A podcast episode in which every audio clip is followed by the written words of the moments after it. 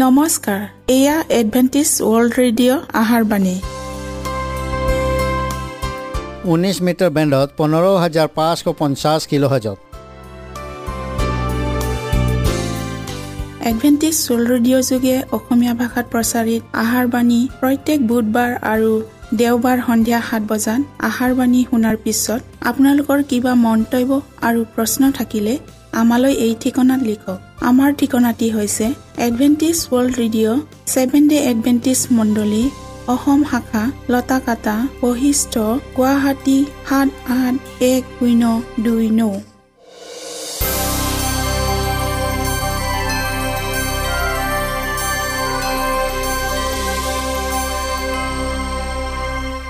প্ৰিয় শ্ৰোতা বন্ধুসকল এতিয়া শুনো আহক এটি খ্ৰীষ্টীয় ধৰ্মীয় গীত।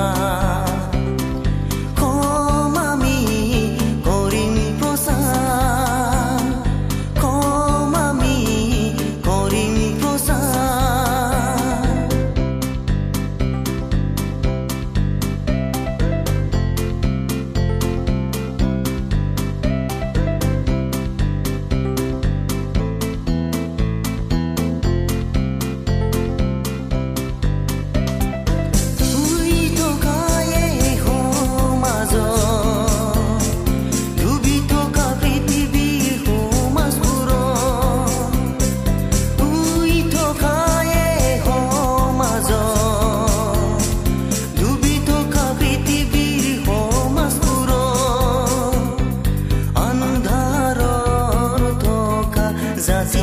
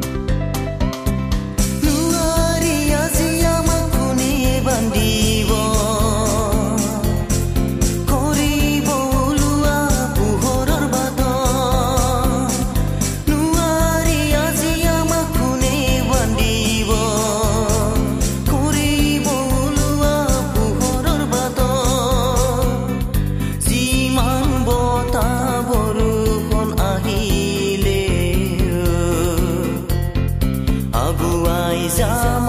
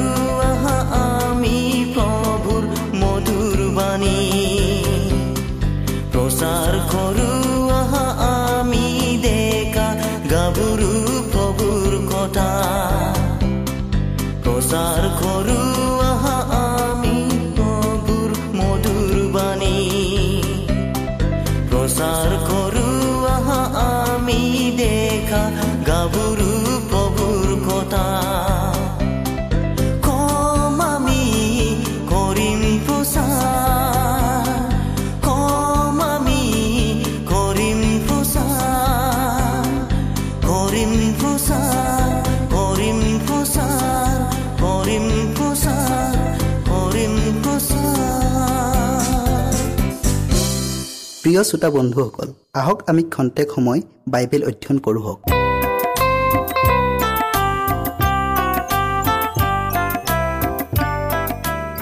প্ৰিয় শ্ৰোতাসকল যোৱা অনুষ্ঠানৰ জীৱন ৰেকৰ্ডৰ সন্মুখীন হোৱা ইয়াৰ শেষ অংশটো আমি আজি আকৌ অধ্যয়ন কৰোঁ হওক। অধ্যয়ন কৰাৰ আগতে আমি ঈশ্বৰৰ পৰা আশীৰ্বাদ খোজো হওক।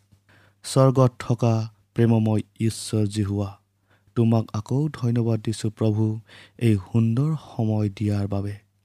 প্ৰভু তুমি বিষয়টিৰ অধ্যয়ন শেষ নোহোৱালৈকে আমাৰ সংগে সংগে থাকি আশীৰ্বাদ দান কৰা আৰু পবিত্ৰ আত্মাৰে সকলো শ্ৰোতাৰ হৃদয় স্পৰ্শ কৰি দিয়া।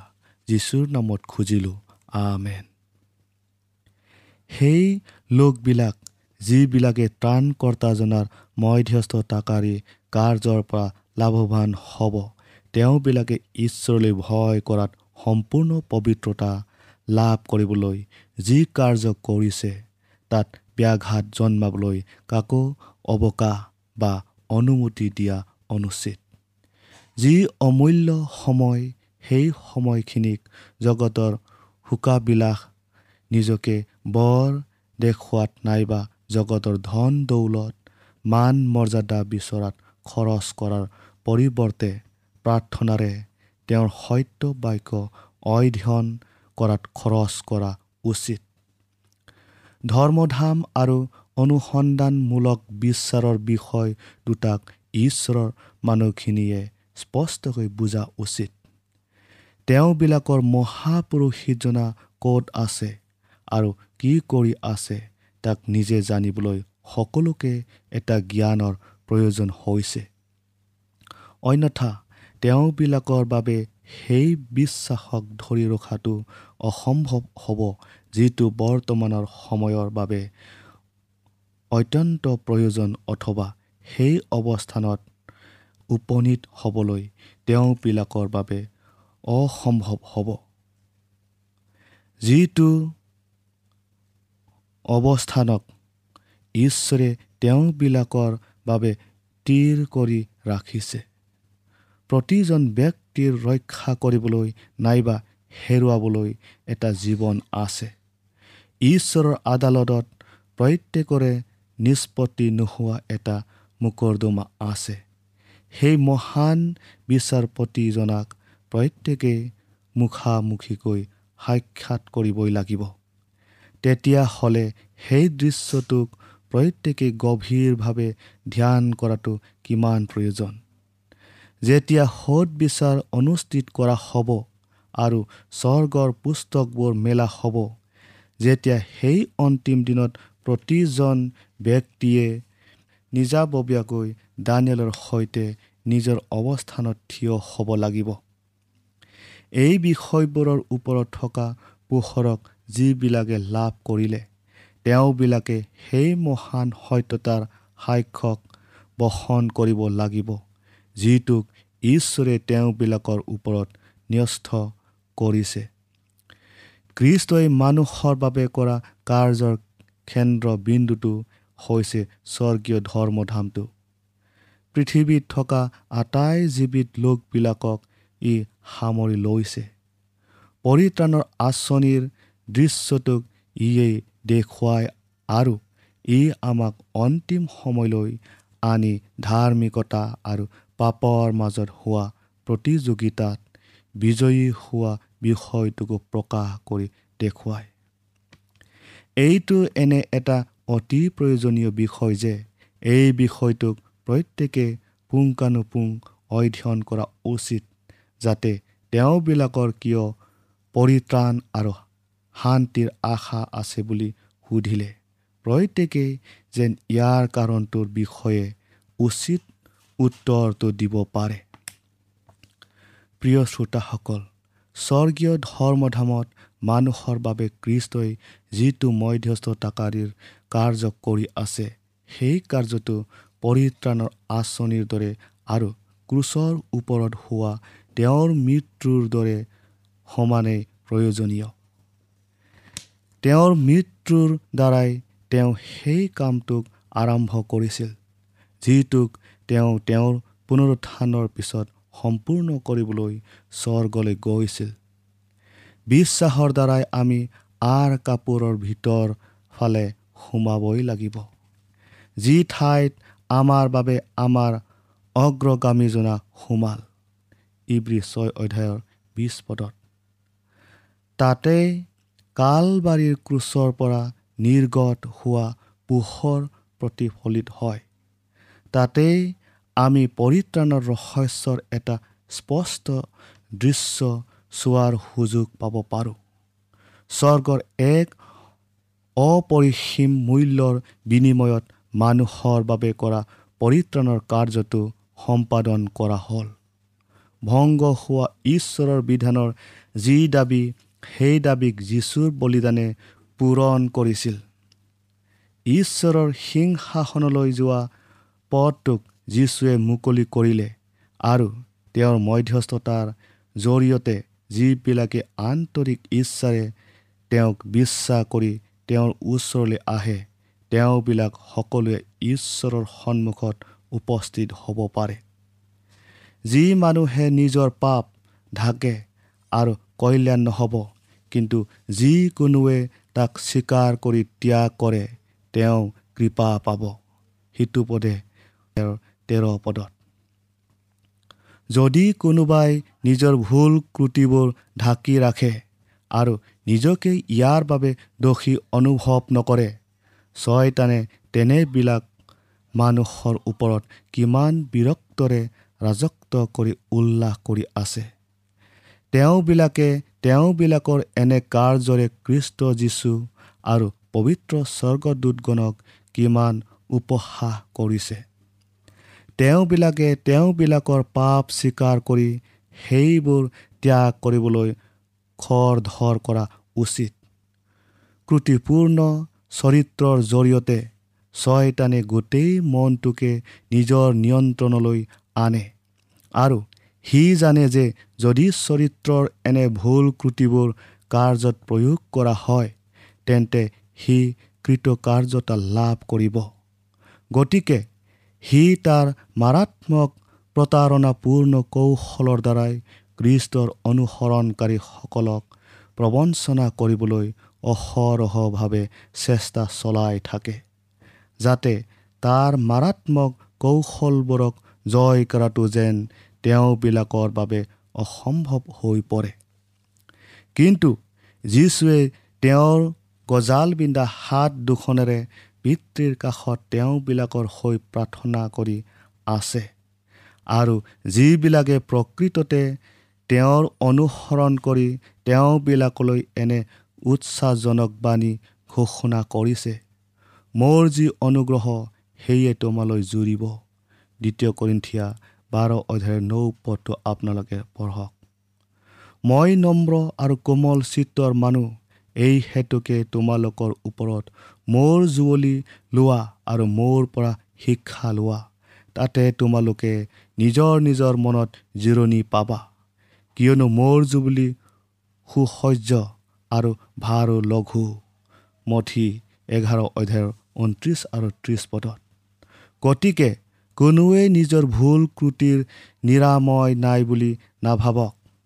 এনেবিলাক বিষয়ক জয় কৰিবলৈ ঈশ্বৰে পৰ্যাপ্ত পৰিমাণৰ বিশ্বাস আৰু অনুগ্ৰহ প্ৰদান কৰিব। এতিয়া আমি মহাপ্ৰাচিতৰ দিনত বাস কৰিছোঁ হওক। প্ৰৰূপী কাৰ্যত যেতিয়া মহাপুৰোহিতগৰাকীয়ে ইজৰাইলৰ বাবে প্ৰায়চিত্ৰৰ কাৰ্য কৰি আছিল তেতিয়া সকলোৱে অনুতাপ কৰাৰ দ্বাৰাই নিজ প্ৰাণক দুখ দিয়াটো নিতান্ত জৰুৰী আছিল আৰু নিজকে নম্ৰ কৰি ঈশ্বৰ যীশুৱাৰ সন্মুখত উপস্থিত হ'ব লাগিছিল। অন্যথা তেওঁবিলাকক ইজৰাইলৰ মাজৰ পৰা উচ্ছন্ন কৰা হৈছিল। ঠিক সেই এনে পদ্ধতিৰে যিবিলাকৰ নাম জীৱন পুস্তকত লিখা হ'ল তেওঁবিলাক সকলোৱে এতিয়া অনুগ্ৰহৰ দিন কিছু বাকী থকা সময়তে পাপৰ বাবে অত্যন্ত খেদ কৰি আৰু প্ৰকৃত অনুশোচনা কৰাৰ দ্বাৰাই নিজ নিজ প্ৰাণক দুখ দি ঈশ্বৰৰ কাষলৈ চাপি অহা উচিত। এনে কাৰ্যত গভীৰ বিশ্বাস আৰু এখন অনুসন্ধিক্ষু হৃদয় থকাটো অনিবাৰ্য। বহুতো নাম জ্বলা খ্ৰীষ্টানৰ দ্বাৰাই দেখুওৱা পাতল ধেমেলীয়া গুৰুত্বহীন স্বভাৱ আচৰণবোৰক দূৰ কৰিবই লাগিব। যিবিলাক অসৎ আৰু দুষ্কৰ্মৰ প্ৰতি থকা প্ৰৱণতাই আমাৰ ওপৰত প্ৰভুত্ব কৰিব বিচাৰে তেনেবিলাক প্ৰৱণতাৰ বিপক্ষে আমি অনবৰতে যুঁজিব লাগিব। নিজকে সাজু কৰাটো এটা ব্যক্তিগত কাৰ্য। আমি দলগতভাৱে পৰিত্ৰাণ অৰ্জন কৰিব নোৱাৰোঁ। এজনৰ শুদ্ধতা আৰু ভক্তিপৰায়ণতাই আন এজনৰ অভাৱ পূৰণ নকৰিব। সোধ বিচাৰত যদিও সকলো মানুহে ঈশ্বৰৰ সন্মুখেদি পাৰ হৈ যাব লাগিব তথাপি প্ৰতিজন মানুহৰ প্ৰতিটো মোকৰ্দমাক এনে সূক্ষ্মভাৱে আৰু পুংখানুপুংভাৱে নিৰীক্ষণ কৰা হ'ব। যেন পৃথিৱীত দ্বিতীয় এজন ব্যক্তি নাই। প্ৰত্যেকজন ব্যক্তিকেই পৰীক্ষা নিৰীক্ষা কৰা হ'ব আৰু কোনো দাগ বা কলংক বা সুতুৰা সুতুৰ নথকা অৱস্থাত পাব লাগিব। অতি গাম্ভীৰ্যতাপূৰ্ণ দৃশ্যবোৰ প্ৰায়শ্চিত্তৰ অন্তিম কাৰ্যৰ লগত সংলগ্ন হৈ আছে। ইয়াৰ লগত জড়িত থকা আগ্ৰহবোৰ অতি গুৰুত্বপূৰ্ণ। এতিয়া স্বৰ্গীয় ধৰ্মধামত বিশ্বাস চলি আছে। বহু বছৰ ধৰি এই কাৰ্য প্ৰগতিৰ পথত চলি আহিছে। অতি সোনকালে কোনেও নাজানে সেয়া কিমান সোনকালে হ'ব। জীৱিতবিলাকৰ মোকৰ্দমাবোৰ বিচাৰ কৰা হ'ব। ঈশ্বৰৰ ভয়ানক উপস্থিতিত আমাৰ জীৱনবোৰক পোন পৰিদৰ্শন কৰা হ'ব। এই সময়ত প্ৰত্যেকজন প্ৰাণীয়ে সকলোতকৈ আগত ত্ৰাণকৰ্তাজনাৰ পৰামৰ্শটোত মনোযোগেৰে শুনাহে সমীচীন কাম সাৱধান হোৱা আৰু পৰ দি প্ৰাৰ্থনা কৰি থাকা কিয়নো সেই কাল কেতিয়া হ'ব তাক তোমালোকে নাজানা। মাৰ্ক তেৰ অধ্যায়ৰ তেত্ৰিছ পদত তুমি যদি পৰ দি নাথাকা তেন্তে মই চোৰৰ নিচিনাকৈ যাম আৰু কোন পৰত তোমাৰ তাত উপস্থিত হ'ম তাক তুমি নাজানিবা। প্ৰকাশিত বাক্য তিনি অধ্যায়ৰ তিনি পদত। যেতিয়া অনুসন্ধানমূলক বিচাৰ শেষ কৰা হ'ব তেতিয়া মৃত্যুৱে পাবনে জীৱনেই পাব তাৰ অদৃষ্ট অথবা ভৱিতব্য তাক নিৰ্ণয় কৰা হ'ব। মেঘ ৰথেৰে প্ৰভু যীশু নামি অহাৰ কিছুকালৰ আগতে অনুগ্ৰহৰ সময় অন্ত পৰিব। এইটো সময়লৈ লক্ষ্য কৰি কৃষ্টত থাকি প্ৰকাশকজনে এইদৰে ঘোষণা কৰিছে যিজন অন্যায়কাৰী তেওঁ অন্যায়কাৰী হৈ থাকক আৰু যিজন কলংকী তেওঁ কলংকী হৈ থাকক আৰু যিজন পবিত্ৰ তেওঁ পবিত্ৰ হৈ থাকক। আৰু চোৱা মই বেগাই গৈছোঁ যাৰ যেনে কৰ্ম তেওঁক তেনে প্ৰতিফল দিবলৈ। মই দিবলগীয়া পুৰস্কাৰ মোৰ লগত আছে। প্ৰকাশিত বাক্য বাইছ এঘাৰ আৰু বাৰ পদটো পঢ়ক। প্ৰিয় শ্ৰোতাসকল পৃথিৱীত তেতিয়াও ধাৰ্মিক আৰু দুষ্ট পাপী উভয়ে তেওঁবিলাকৰ মৰণশীল অৱস্থাত বসবাস কৰি থাকিব। মানুহবিলাকে খেতি কৰিব আৰু ঘৰ সাজিব ভোজন আৰু পাণ কৰিব। সকলোৱে এইটো বিষয়ত অসচেতন হ'ব যে স্বৰ্গত থকা ধৰ্মধামত অন্তিম অপৰিৱৰ্তনীয় সিদ্ধান্ত আনুষ্ঠানিকভাৱে ঘোষণা কৰা হৈ গ'ল। জলপ্লাৱন হোৱাৰ আগমুহূৰ্তত আৰু নৌ জাহাজৰ ভিতৰত সোমোৱাৰ পিছত ঈশ্বৰে তেওঁক জাহাজৰ ভিতৰত বন্ধ কৰি ৰাখিছিল আৰু ঈশ্বৰ নমনাবিলাকক ইয়াৰ ভিতৰত সোমাব নোৱাৰাকৈ বাহিৰত আবদ্ধ কৰি ৰাখিছিল। কিন্তু লোকসমূহে সাত দিনলৈকে এইটো জনা নাছিল যে তেওঁবিলাকৰ ধ্বংস আৰু মৃত্যু তিৰাং কৰা হৈ গ'ল। এনে অসচেতন অসাৱধানী অৱস্থাত তেওঁবিলাকে জীৱনৰ লাহ বিলাহ কামনা বাসনা ক্ষমতাৰ অভিলাষ চৰিতাৰ্থ কৰাত মুক্ত আছিল আৰু সন্মুখত আহি থকা সোধ বিচাৰৰ সতৰ্কবাণীক ঠাট্টা বিদ্ৰোপ কৰিবলৈ এৰা নাছিল। গতিকে ত্ৰাণকৰ্তাজনাই এইদৰে কৈছে সেইদৰে মানুহৰ পুত্ৰ আগমন হ'ব। মাছ নিশাৰ চোৰৰ দৰে অতি নীৰৱে কোনেও গম নোপোৱাকৈ সেই নিৰ্ণায়ক সময় আহিব যিটোৱে প্ৰতিজন মানুহৰ তিৰাং কৰা নিয়তি বা অদৃষ্টক কঢ়িয়াই আনিব। পাপ অপৰাধৰ ডুব গৈ থকা মানুহলৈ প্ৰদান কৰা অন্তিম দয়া বা কৃপাক তেওঁবিলাকৰ পৰা উঠাই নিয়া বাতৰিটোক লগত লৈ আহিব। এই হেতুকে তোমালোকে পৰ দি থাকা। কিজানি অকস্মাতে আহি তোমালোকক টোপনিতে থকা দেখা যায়। মাৰ্ক তেৰ অধ্যায়ৰ পঁয়ত্ৰিছ আৰু ছয়ত্ৰিছ পদটো আপোনালোকে পঢ়ক। প্ৰিয় শ্ৰোতাসকল সেইবিলাক মানুহৰ অৱজ্ঞা অতিশয় বিপদজনক হ'ব।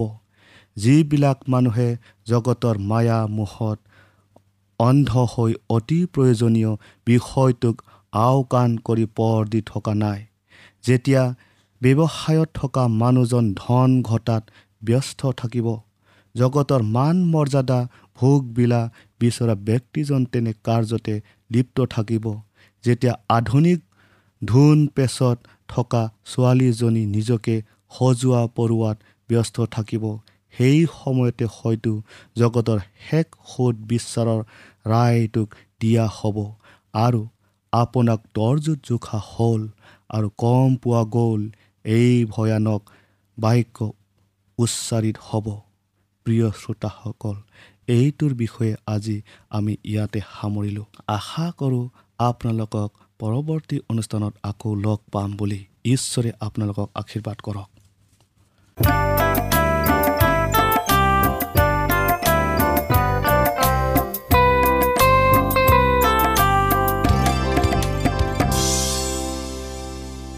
ইমানপৰে আমি বাইবেল অধ্যয়ন কৰিলোঁ। এতিয়া আকৌ শুনো আহক এটি খ্ৰীষ্টীয় ধৰ্মীয় গীত।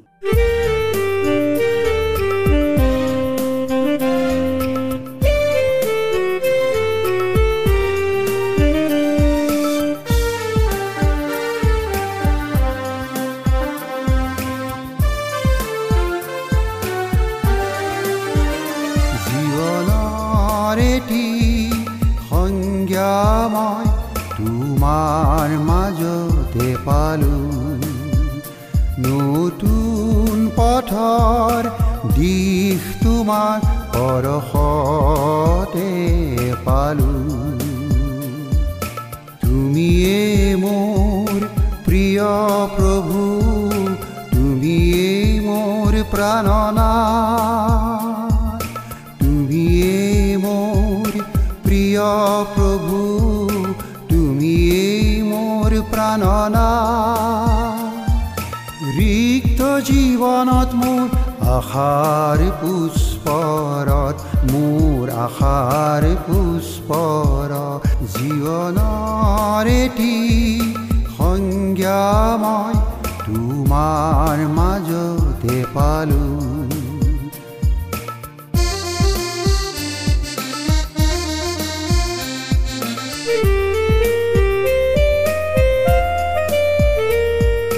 জীৱনৰ পথত গতি কৰি মই পথ হাৰা যে হলো। জীৱনৰ পথত গতি কৰি মই পথ হাৰা যে হলো। বাহুলৈ অহা প্ৰকৃতিলৈ চাই তোমাক বিচাৰি পালো। জীৱনৰ এটি সংজ্ঞা মই তোমাৰ মাজতে পালো।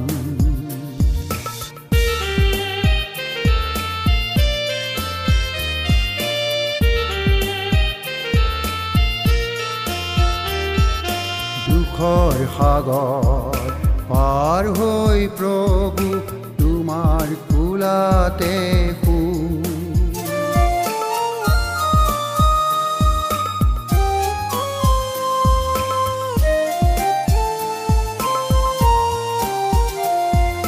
দুখৰ সাগৰ পাৰ হৈ প্ৰভু তোমাৰ কোলাতে শু আকাশৰ নীলি বুকুৰ সিপাৰে গৈ তাতে বিশ্ৰাম। আকাশৰ নীলিম বুকুৰ সিপাৰে গৈ তাতে বিশ্ৰাম। দূৰ কৰা মোৰ অমানিশা তমসাৰ বন্যা আঁতৰা। নয়নে দেখে যে উজ্জ্বল সি পুৱা উজ্জ্বল সি পুৱা জীৱনৰ এটি সংজ্ঞা মই তোমাৰ মাজতে পালো। নতুন পথৰ মনত ৰাখিব আমাৰ ঠিকনাটি পুনৰ কৈ দিছোঁ। Adventist world radio' Assam region of seven day Adventist voice of hope Latakata Basistha Guwahati seven eight one zero' two nine. প্ৰিয় শ্ৰোতা বন্ধুসকল এডভেণ্টিজ ৱৰ্ল্ড ৰেডিঅ' যোগে আহাৰবাণী প্ৰচাৰত আপোনালোকক পুনৰ লগ পোৱাৰ আহাৰে আজিলৈ সামৰিলোঁ। ধন্যবাদ।